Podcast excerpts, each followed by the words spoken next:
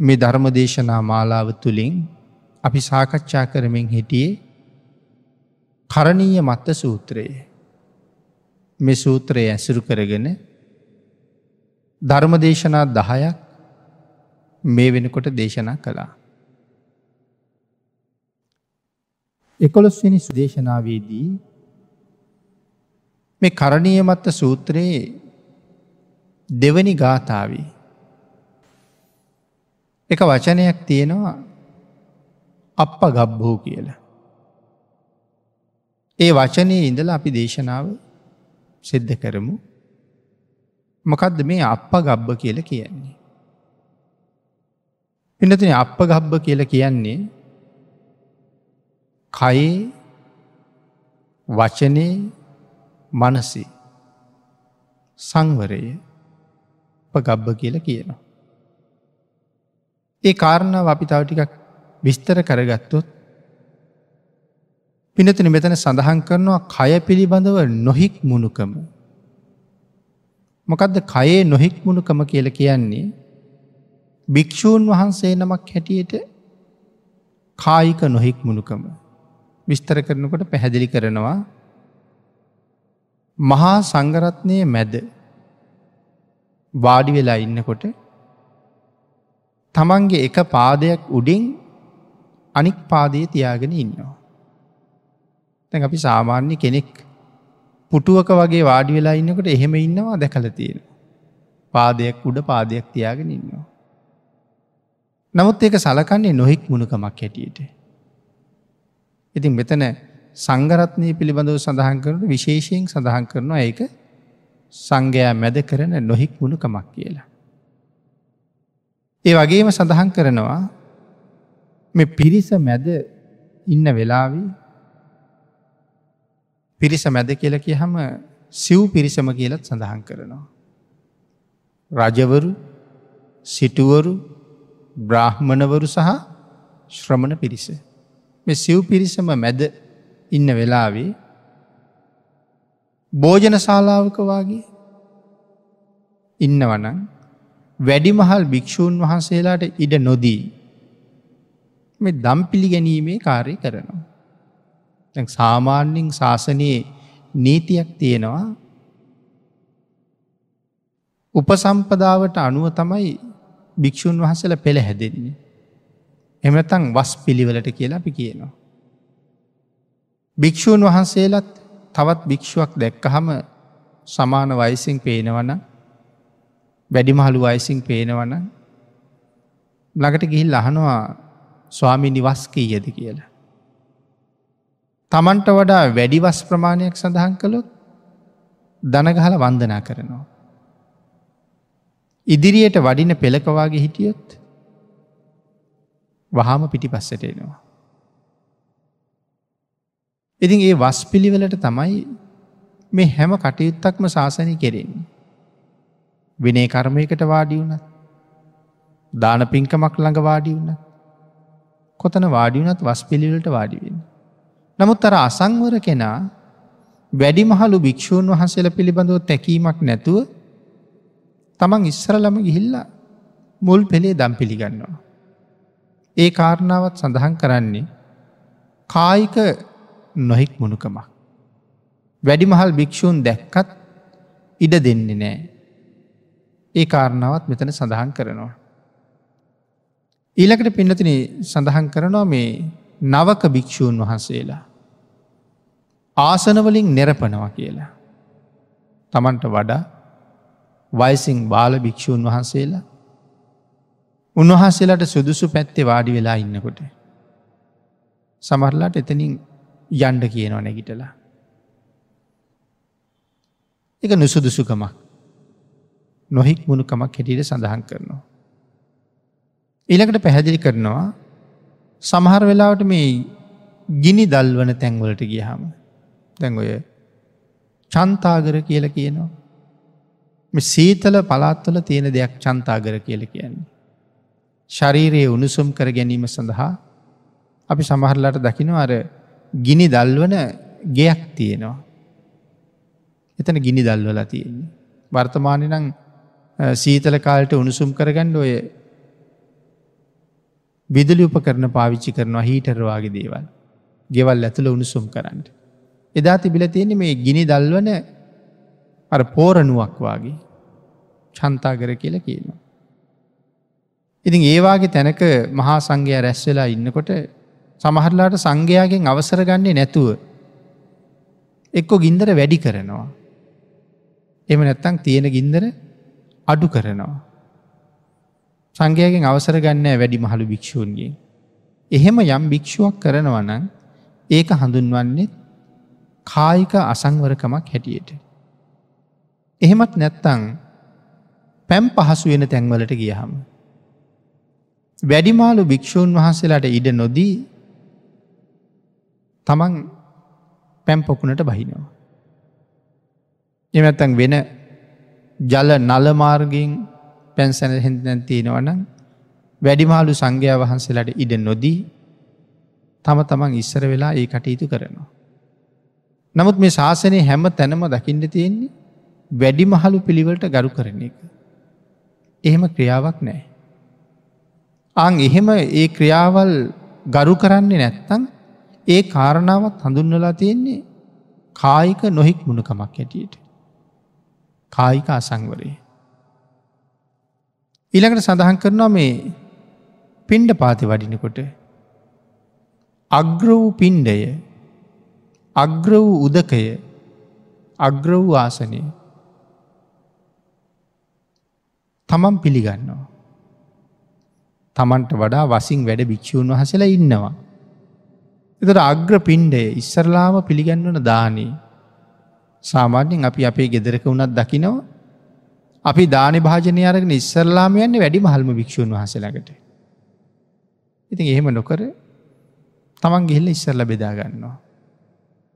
අග්‍ර උදකය කියල කියෙන මුලින්ම පිළිගන්නවන පැන්. අග්‍ර ආසනය කියල කියන්නේ අපි සාමාන්‍යින් සඳහන් කන මූලාසනයේ වැඩිමහලු භික්‍ෂූන් වහසලා මූලාසනයට සුදුසු අය වැඩ ඉන්නකොට තමන් ගිහිල්ල මූලාසනී වැඩඉන්නවා. මේ කරුණු සඳහන් කරන්නේ කායික නොහික් වුණුකං හැටියට. ඊළඟට පිනතින සඳහන් කරනවා සමහර භික්‍ෂූන් වහන්සේලා වැඩිමහලු පිළිවෙලක් නැතුව වාඩි වෙනකොට ගිහිල්ල මැද්ද වාඩි වෙනවා. ඒ කාරණාව හඳුන්වන්නේ මේ කායික නොහික් මුණුකමක් හැටියටම තමයි. මේ කරුණු තවත් පැහැදිලි කරනකොට විස්තර කරනවා තවත් කෙනෙක් ගරු සරුවක් නැතුව වඩිනකොට තමන්ගේ පාදයෙන් පාදය හැප්පෙන විදිහට ළඟීම වැඩම කරනවා. නැත්තං වැලමිටෙන් වැලමිට ගැටෙන විදිහට බොම ළඟම ඇගේ ස්පර්ශවවී වාඩි වෙනවා. ඉට අමතරව සඳහන් කරනවා. මුලින්ම තියෙන ගෙවල් වලට වැඩිමාලු භික්‍ෂූන් වහසල වඩින්ට ඉස්සරල ඉස්සරහින් ගිහිල තමන් වඩිනවා කියලා. මේ හැම කරුණක්ම සඳහන් කරන්නේ කායික නොහික්මුණුකම. අං ඒ නිසා පින්නතිනේ මේ ක්‍රමයෙන් මිදෙන් මිදීමට තමයි මේ අප ගබ්බ කියල කියන්නේ. එහෙම වෙන්ඩ එපා. එහෙම කරන්න එපා. එක සුදුසු නෑ ඒ ක්‍රමයෙන් වහාම ඉවත් විය යුතුයි මිදිය යුතුයි කියන අර්ථය තමයි මේ අප ගබ්බ කියන වචනය ඇතුළි තියෙන්නේ. ඉළඟට සඳහන් කරනවා වචනය පිළිබඳව තියෙන නොහික් මුණුකම මේක සමහලට ප්‍රගල්භය කියල වචනයකුත් පාවිච්චි කරනවා. වචනය පිළිබඳව තියෙන ප්‍රගල්භය. ප්‍රගල්භය කියන වචනය තේරුම තමයි නොහික් මුණුකම. වචනය පිළිබඳ නොහික් මුණුකම සඳහන් කරනකොට සංඝයා මැද්දේ පිරිස මැද්දේ නුසුදුසු වචන කියනවා. සංග මැද කතා නොකළ යුතු නොගැලපෙන වචන පාවිච්චි කරනවා. මහතෙරුන් වහන්සේලාගෙන් අවසර ගන්න නැතුව ධර්ම දේශනා කරනවා. අපි ගෙමු දාන කටයුත්තක් සඳහා සෑහෙන භික්‍ෂූන් වහසර පිරිසක් වැඩල ඉන්නවා. දානෙ වලඳලා ඉවර වෙලා අනුශාසනාවක් කරනවා සමහරලාට දානට කලිනුත් අනුශාසනාවක් කරනවා. සාමාන්‍යෙන් ඒ අනුශාසනාව කරන්නේ මූලාසනයෙන්.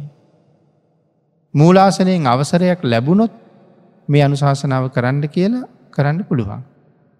නමුත් එහෙම අවසරයකුත් නොලැබී අවසරයකුත් නොගෙන තමන්ගේ හිතු මනාපෙට පිරිස මැද ධර්ම දේශනා කරන්න පටන් ගන්නවා.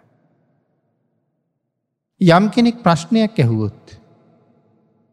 ඒ ප්‍රශ්නයට පිළිතුරු තමන් හොඳටම දන්නවා වෙන්ඩ පුළුවන්. ඒ වනාට ඒ ප්‍රශ්නයට පිළිතුරු දෙන්ඩ තමන්ට වඩා සුදුසුකං තියෙන අය මේ සභාව ඉන්නවා. ඒ ඉන්න නිසා තමන් නිශ්ශබ්ද වෙන්ඩෝනේ. මම නෙමෙයි පිළිතුරු දිය යුත්තේ පිළිතුරු දෙන්න අය ඉන්නවා. ඒ කාටවත් පිළිතුරු දෙන්න බැරිවුණුත් අවසරයක් ලැබෙනවන පිළිතුරු දෙන්න පුළුවන්. එම නැත්තං අවසරයක් ඉල්ලගෙන පිළිතුරු දෙන්න පුළුවන්. නමුත් එහෙම කිසිම අවසරයක් ගැනීමකුත් සංඝයාගෙන් ආරාධනාවකුත් නැතුව තමන් දන්න පලියට කතා කරන්න ගිය හම එක මේ වචනය නොහික් මුණුකමක් හැටියටයි සඳහන් කරන්න.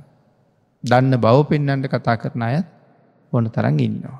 නමුත් මේ ශාසනයේ තමන් දන්නෙම නෑ කියලා තමයි හිතන්ඩෝනේ. එහෙමුණොත් තමයි තමන්ට දියුණුවක් තියෙන්නේ. ඉළඟට පින්නතුන නැවත සඳහන් කරනවා මේ පින්ඩ පාති වැඩලා දායක පිරිසත් ඉන්නකොට සමහරලට අහනවා අද මොනවද කන්නේ අද මොනවද කණ්ඩ හොඳ අද කොහාටද යන්නේ ඔයවාගේ වචන පාවිච්චි කරනවා. ඉතින් එතොට ඒක මහා සංගරත්නයට භාවිතා කරන්න සුදුසු වචනයක් නෙමෙයි. කෙන්නේ මොනවද කන්න කියන එක සාමාන්‍යෙන් ගිහි ජීවිතවල අපි ඕන කෙනෙක් අහනවා. නමුත් ඊට වඩා හරි සංවරයි මොනවද වල දන්න කියලා අහන්න එක. තොට භික්‍ෂූන් වහන්සේලා කතා කරන සංවරසීලී පිළිවලක් තියෙනවා. එක තමයි මේ සිංහල භාෂාව තියෙන අපූර්වත්වය පින්නතුනි. පුදුම නිමුණ බවක් ඒ භාෂාව තියෙන. සිංහල භාෂාව පුදුම විද්‍යාත්මක බවකුත් තියෙනවා. දියුණු බව. අපිට ඒ භාෂාව වටින් නැතිවුණාට ලෝකෙ තියෙනු දියුණුම භාෂාවක් තමයි සිංහල කියල කියන්න. මොකද පාලියෙන් කතා කළත් වඩිනවා කිව්වත් යනවා කිව්වත් පාලියේ තියෙන එක වචනයයි. ගච්ඡතිම තමයි. අපි තමයි පරිවර්තනය කරන්න ඕනේ පුද්ගලයාට අනුව කොහොම දෙක යොදන්නේ කියලා. භාගිතුන් වහන්සේ වඩිනවා නමුත් පාලී තියෙන්නේ ගච්චිති. යයි කියන අර්ථය. එතුට ඉංග්‍රීෂි භාෂාවාර ගත්තත් ගමන් කරනවා යනවා කියන එකට එකම වචනය තමයි තියෙන. නමුත් සිංහල භාෂාව ඊට වඩා හරි දියුණුයි. සංවර සීලී කෙනෙකුට කතා කරන්න යොදාගත්ත හරි ලස්සන වචන තියෙනවා. භික්‍ෂුවක් සම්බන්ධයෙන් වඩිනව කියල කියනවා. හාමුදුරුවෝ යනවා කියනවට වඩා හාමුදුරුව වඩිනවා කියහම ඒ වචන හරි ලස්සනයි. හාමුදුරුවෝ කනවකීවට වඩා හාමුදුරුව වලඳනවා කියල කියහම එතන බොහොම නිමුණු බවක් තියෙනවා. ඉතින් පිඩතුන මේවාගේ වචන සිංහල භාෂාව පාවිච්චි කරන අපේ රටේ මේ ශාසනයට සහ සංවර බවට ගුණගරුක බවට ආවේනික වෙච්ච වචන බවට පත්වෙලා තියෙනවා. දැන් සාමාන්‍යයෙන් ගෙදර ඉන්නකොට දැඟ වලඳනවා කියන වචනය භික්‍ෂූන් වහසලට විතරක් කියන වචනයක් නෙමෙයි. ගිහි අයටත් වලඳනවා කියන වචන පාවිච්චි කරන්න පුළුවන්. නමුත් අපි සාමාන්‍ය ජීවිතය පාවිච්චි කරන්නේ නැහැ. නමුත් අපිත් පෝය දවසට සිල් ගත්තහම අපි ගැන සිල් පිරිස වලඳනවා කියලා. ඇයි සිල් පිරිසට විතරක් වලඳනවා කියලා ඒ පිරිසම ගෙදරාපු හම අපි අය කියන්නේ අර කනව කියන වචනය. සාමාන්‍යයෙන් ගෙදර හැසිරෙනවට වඩා විශේෂ වූ කායික සංවරයක් ඇතිකරගත්ත පිරිසක් තමයි සිල් පිරිස කියල කියන්නේ. ආන්ගේ සංවර කෙනෙක් ආහාර ගන්නෙත් සංවරවම තමයි. ආහාර ගන්න හැටි භාගිතුන් වහස වෙනම දේශනා කරලා තියෙන භික්‍ෂූන් වහසේලාට. විශේෂ කරුණු රාශියක් ඒ ගැන සඳහන් කරනවා. ඉතින් ඉතාම සංවර සීලීවනං ආහාර ගන්නේ සාමාන්‍යගේ කොහොමද කියලා කීවොත් මේ හෙමින් ආහාර ගන්නවා කියන කාරණාවටම නෙමෙයි ඒක කියන්නේ. සමහර වෙලාවට ආහාර වලඳනයක භාවනාවක්. තමන්ගේ භාජනයේ ආහාර අනනකොට මිශ්‍ර කරගන්නකොට වෑන්ජනත් එක්ක කට ඇතුළෙ මොකොවත් නෑ. නිදහස් කරලා තියෙන්නේ. එනිසා හපන්න ඇමකොවත්. අනනෝ විතරයි. ඉට පස ආහාර පිඩ මොකහින් තියාගත්තට පස්සේ හපනවා විතරයි අනන්නේ නෑ. එතකොට අනන එක මත සිහිය පිහිටව හම ඒකත් භාවනාවක්. ඊළඟට හපන එක තුළ සිහිය පිහිටව හම ඒකත් භාවනාව. අනන වෙලාවට හපන්නේ හපන වෙලාවට අනන්නේ. අං එහෙම බොහෝම සංවරව ආහාර ගන්නවා ආහාර ගන්න වෙලාව භාවනාවක් බවට පත් කරගන්න.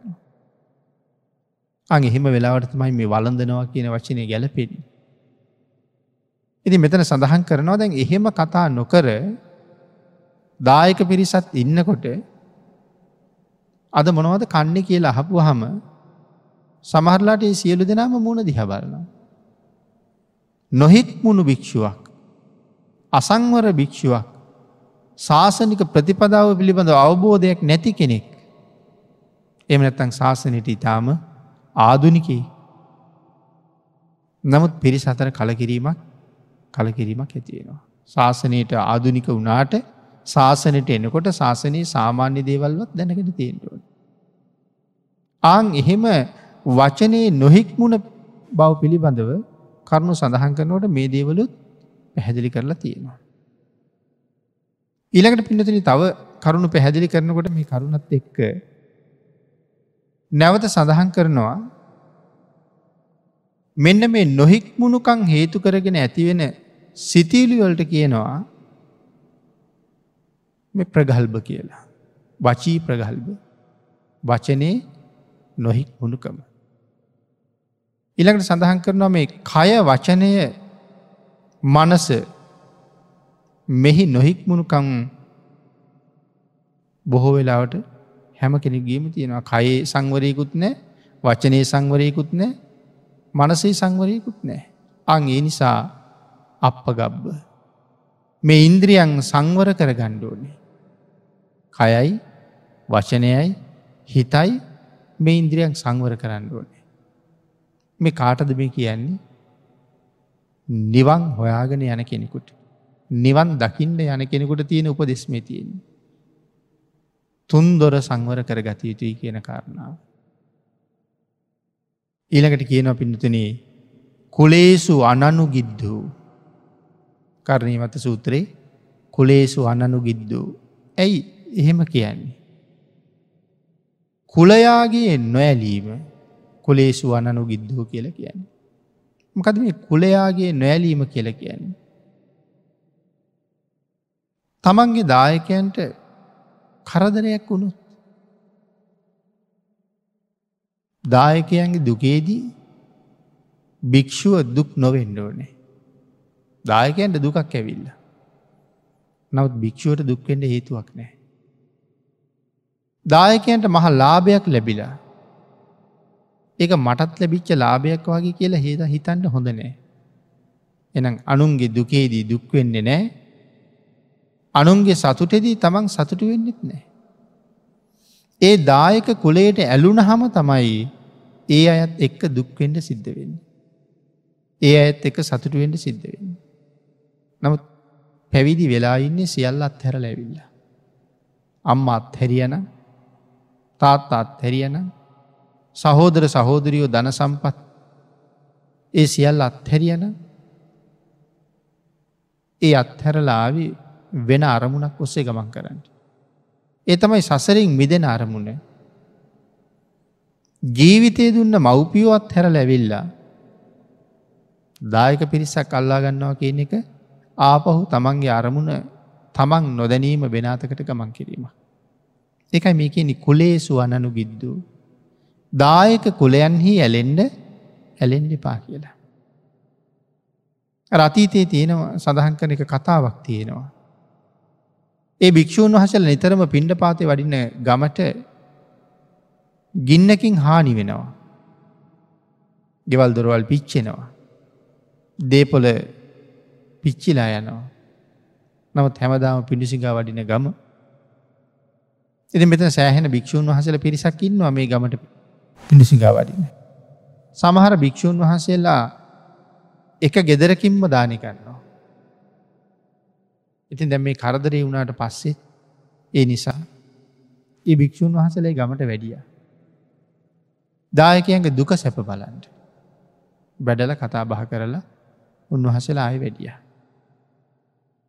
මෙතන හිට ඒක භික්‍ෂූන් වහස නමක් වැඩිය නෑ. ඒ භික්‍ෂූන් වහන්සේටත් නිතර දන් දෙෙන උපාසිකාවක් හිටිය. ගමේ අනික් ඇයට කීවා. අපි දන් දෙෙන අපේ ස්වාමීන් වහසලන වැඩල අපේ දුක සැප බලල ගිය. නමුත් ඔබ දන් දෙෙන භික්‍ෂූන් වහසේ ආවිනෑ නේද කියලා. ඇය සඳහන් කරනවා ඔබලාගේ ස්වාමීන් වහසල ඔබලාටම හොඳයි. මන් දන් දෙෙන භික්‍ෂුව මට හොඳයි. ඇයකින් කියන්නේ භික්‍ෂුව අපේ දුක සැප හොයලා දුක්වෙන්ඩුවත් සතුටුවෙන්ඩුවත් එන්න අවශ්‍යනය කියලා.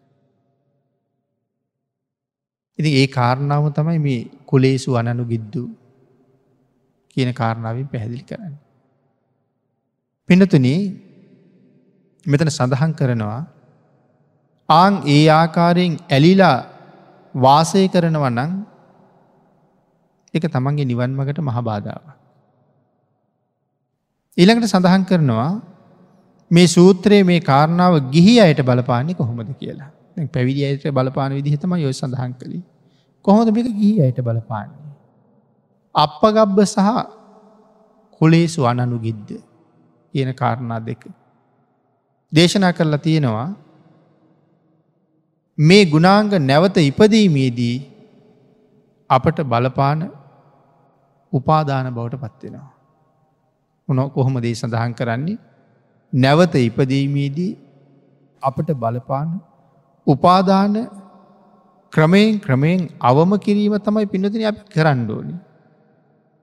ආය ආය සසරට වැටෙන ක්‍රියාදාමයක් තියෙනවන සසරට බැඳෙන ක්‍රියාදාමයක් තියෙනවන අපි විසින් කළ යුත්තේ සසරට බැඳෙන බැමිටික කපන එක. තියෙන බැමි එක්ක අලුත් අලුත් බැමි තව එකතු කරනවා නම් අපිට මේකින් ගැලවෙන්ඩ අමාරු වෙනවානේ. තියෙන ටික ලෙහාගණ්ඩ යෝනි. නමුත් අලුතෙන් ආය බඳින්ට ගිය හම වෙන්න බලාපොරොත්තු වෙච්චදී නෙමෙයි. ආගේ නිසා සඳහන් කරනවා භික්‍ෂූන් වහන්සේ දායක කුලේ ඇලෙනවා වගේ මේ ගිහි කෙනෙක් ඒ අයට ඉන්නවා ඥාති කියල පිරිසා. ඒ අයට කෙනවා හිතමිත්‍රයෝ කියල පිරිසා.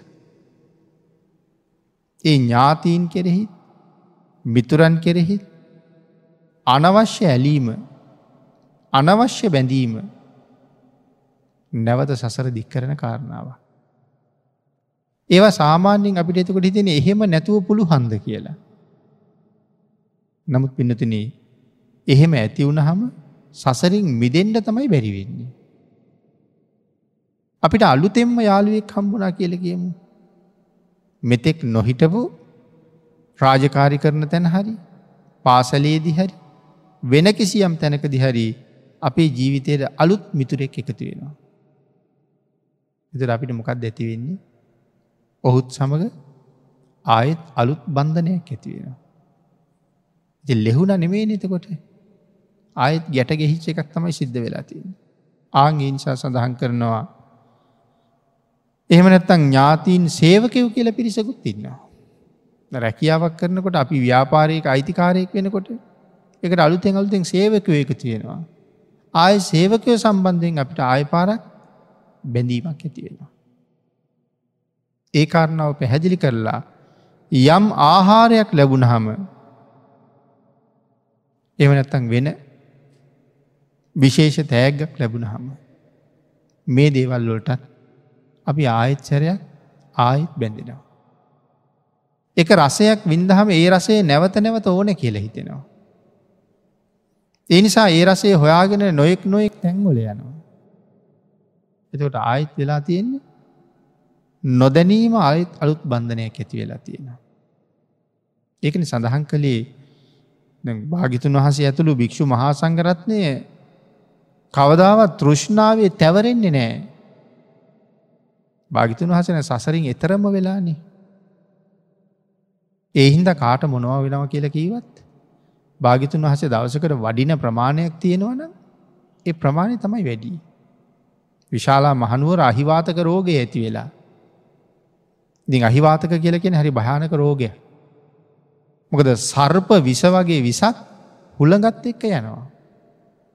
ඉතින්ද මේ කාලේ ඔය අපි තියෙනවා කියන වෛරස් වර්ගත් හුළගේ අන්ඩ පටන් ගත්තන.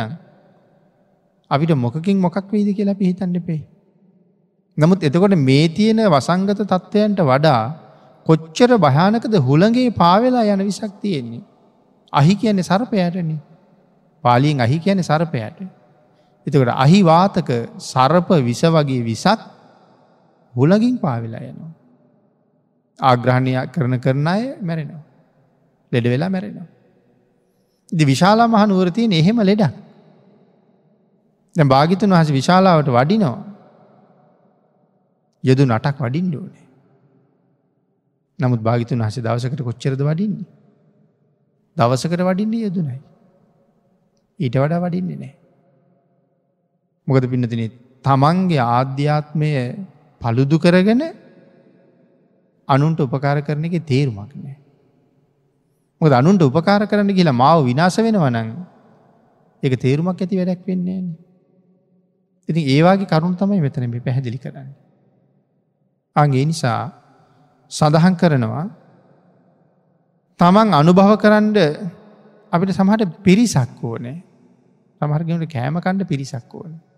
තනියම බෑ කතා කර කර කෑම කණ්ඩෝනි. එකන් ඒ පිරිස සම්බන්ධයෙන් විශේෂ විශේෂ බැඳීමක් තියෙනවා. තො නිතර දකින්න කැමති පිරිසක් ඉන්නවා. සමහර ගමනක් යැනකොට නිතරම අහවල් අය ඕනෑ ඒ අය නැත්තන් ගමන ගිහිල්ල වැඩක් නෑ. තේරුමක් නෑ. ද හැමතනම යන්න ඒ පිරිස ඕනෑ. අහවල් පිරිස නිතර දකිින්ඩ ඕනේ. කෑම කනකොට පිරිසක් එක කෑම කණ්ඩෝනේ. මේ ආදි වශයෙන් කාරණා ගිහි අය සම්බන්ධයෙන් පැහැදිලි කරලා තියෙනවා. නමුත් මේ පිරිසක් සමග මුසුවෙන හැම මොහොතකම අපේ ගමන තමයි ටිකක් දුරවෙඩ බලන්න. ඉති මේක තවත් පැත්තකින් පැහැදිලි කරන්න පුළුවන්. මේ පිරිස සංසාරය අපිත් එක්කම එන පිරිසා. ඒක නිසා තමයි මේ පිරිසම අපිට ඒ කටයුතුවලට වුවමනාවෙන්නේ. සමහට පින්කමක් කරන්න ගියත් ඒ පිරිසම ඕනෑ සසරම එන්න පිරිසක්. සත්පුරුෂ ධර්මය පැත්තෙන් කතා කරනකොට එක වුවමනා බවක් වටිනා බවකුත් තියෙනවා. මෙතන සඳහන් කරන්නේ පෞද්ගලිකව ඉක්මට නිවනට යන්න කෙනෙක් ගැන. මොකද භාග්‍යතුන් වහස ගැන සඳහන් කරනකොටත් මහ බෝසත් කාලේ තනියම නිවන්දකිට හිතුවන දීපංකර බාධමූලීම ඒ කාරණාව සම්පූර්ණ කරන්න තිබුණා. නමුත් අපිට අනුකම්පා කරපු නිසා අපිත් මේ සංසාරෙන් එතර කරවන්න ඕන කියල හිතපු නිසා මහාකල්ප අසංක්‍ය හතරයි ලක්ෂ එකක් තරං දීර්ඝ කාලයක් දික්වුණ. ඒ කාටු අනුකම්පා කරලද අපට අනුකම්පා කරන්න ගිල්ලා. සඳහන් කරනවා මහා සත්පුරුෂයෝ කවදාවත් තනියම එතර වෙන්නේ නෑ කියලා. දැන් ගමකට කරදරයක් වෙලා පිරිසක් ගමදාල දුවගෙන යනවා. ගමට ගිනි අරගෙන කියමු. දරුමල්ලුත් අරගෙන දුවනවා. දුවගෙන යනට මහ ගඟක් ගලනවා. දැන් ආය බාධාවක්. දැම් ඉවුර හිටගෙන හිටියොත් ඒත් පිච්චෙනවා. ගඟට පැන්නොත් පීනන්ඩ දන්න ඒත් මැරෙනවා. එහින්ද දැන් බොහෝම කලබලින් ඉවරට වෙලා ඉන්නවා. මෙතෙන්ට දුවගෙන එනවා ගඟට පැනලා පීනන්ඩ තරම් ශක්තිය තියෙන අය. ඒ අයි ගඟට පැනලා පීනලා එහා පැත්තට යනවා. හැබැ මේ ඉන්න ඔක්කොටම පීනන්ඩ බෑ. මෙතෙන්ට දුවගෙනනවා මහා සත්පුරුෂයේ. ඒ සත්පුරුෂය කල්පනා කරනවා මම තනිය මෙතර වෙන්නේ නෑ. එතර වෙනවනන් මේ පිරිසත් අරගෙනම තමයි.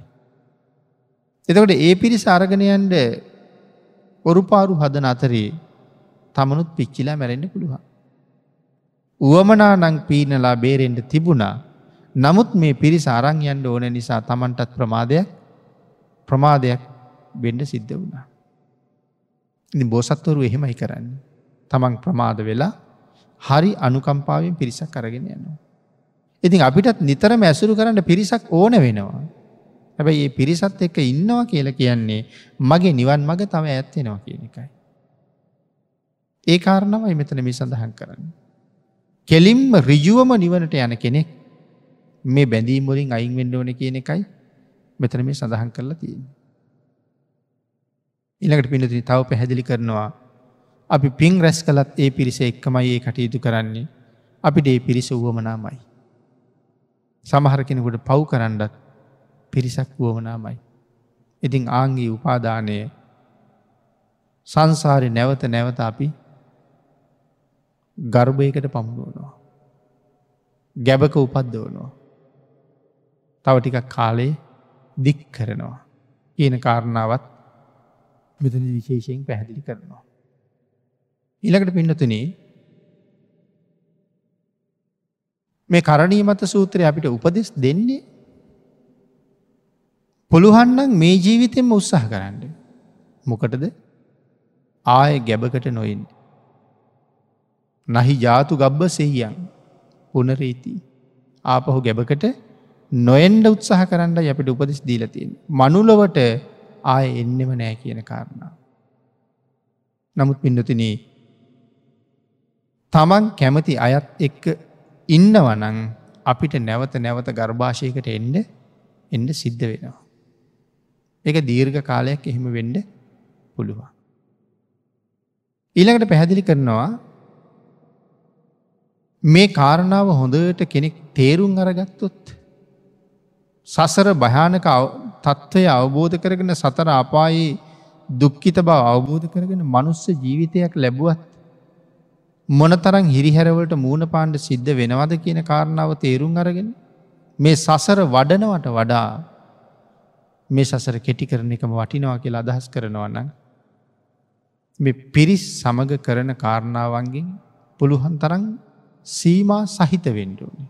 සීමාව ඉක්මෝලයන් නැතුව සීමා සහිතව වැඩ කරගන්න හැම වෙලාම කටයුතු කරන්න ඕන ඒ සීමාව තුළත් හොඳ සිහියක් තියෙන්ඩුවන. යාළුවා නමුත් කරනවනං වරදක් ඒක අනුමත නොකරන්නටුවන. ඒක අනුමත නොකළොත් ආය කවදාවත් ඔහු මාත්‍යක කතා කරන එකක් නෑ. සමහට මම දාලම යන්න පුළුවන්. කමක් නෑ එහෙම වනත් වරදනු මත කරන්නේ.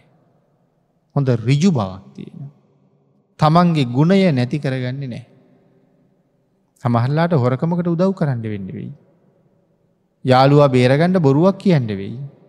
බොරුව නොකීවොත් යාළුවා හිරේ විලංගුයි වැටෙයි.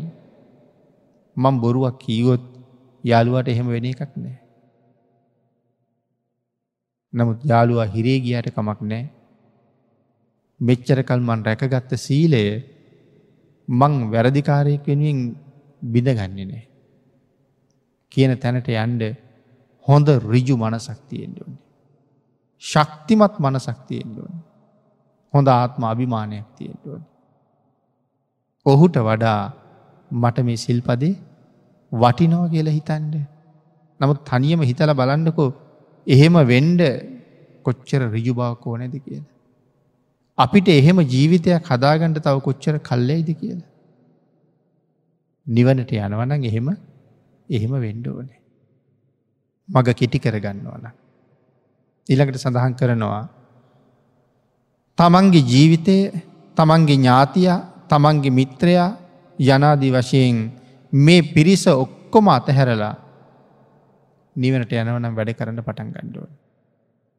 එහෙම නැත්තං ඒත් නිවනට යයි හැබැයි තවත් හුඟක් කාලයක් ගිහිල්ලා. ඊළඟට පින්නතිරි සඳහන් කරනවා නිවවන අවබෝධ කරන්න නං අන්තිමට මේ කයයි ජීවිතයයි දෙකත් අත්හරින් ඕන කියලා. නිවනට යන්න බලාපොරොත්තියෙනවා නං ජීවිතය සහ කය කියන දෙකත් අත්හරින්ට ඕන. මේ දෙක උපාදාන කරගෙන ඒත් කවදාවත් සසරින් විදෙන්ට සසරින් විදෙන්ට බෑ කියන කාරණාවතම ඒ පැහැදිලි කරන්න. ජීවිතයත් කයත් අත්හරින්න කියල සඳහන් කරනවා. පිනතුන මේ උපදේශය පිළිපදින්නේ නැතුව නිවන් දකින්නත් කොහොමත් බෑ කියලම විස්තර කරනවා. තැන් එතකොට තේරෙනවද මේ නිවන් දකිින් ඕන නිවන් දකිින් ඕන ඉක්මං කරන්න ඕන කියල කීවට අපිට තව කරන්න කොච්චර දේවල් තියෙනවා දේ වෙනුවෙන් කියලා. මේ සඳහන් කරන විදිහට කටයුතු කරන්න අපි තව පියවරක්වත් ඉස්සරහට තියල නෑ බලාම මේ නිවන් දකිත්වා කියල කීවට අපි ගාව නිවන් දකිත්වා කියන ප්‍රාර්ථනාවක් විතරයි තියෙන. අපි කොහොමත් තව සූදානන් වෙලා සූදානන් වෙලා නෑ කියන එකමයි පේන්නේ. අන්න එහෙමනං සඳහන් කරනවා අපි බලන්ඩෝන අපේ උපාදාන කොතනද තියෙන්. කවුරු ළඟද තියෙන්. මොන හේතුව නිසාද තියෙන්. කොතෙන්ටද බැඳිලයින්න. අන්ගේ බන්ධනය හැම වෙලාම කපලදාන්ටුවන. අලුතෙන් උපාදාන කරගන්නවට වඩා තියෙන උපාදානවලින් විදෙන්ඩ නිතරම උත්සාහ කරන කෙනා තමයි මේ උතුම් නිවන ස්පර්ශ කරන්ඩ බොහම වේගෙන් කටයුතු කරන කෙනා. ඊනකට පින්නතින සඳහන් කරනවා කරණය මත සූත්‍රයේ තුන්ගෙන ගාථාව. දැන් අපි මේ සාකච්ඡා කරල ඉවර කළේ දෙවනි ගාථාව. තුන්ගනි ගාථාව තියෙන්නේ නච කුද්ධං සමාචරී කිංචියේන විඤ්ඥූ පරිූපවදයු. නමුත් තුන්ගෙන ගාථාව සාකච්ඡා කිරීම දොළොස්වෙනි ධර්මදේශනාවට කල්තියමු. අපිට අදට ධර්මදේශනාවට තියෙන කාලේ නිමා වෙලා තියෙන නිසා.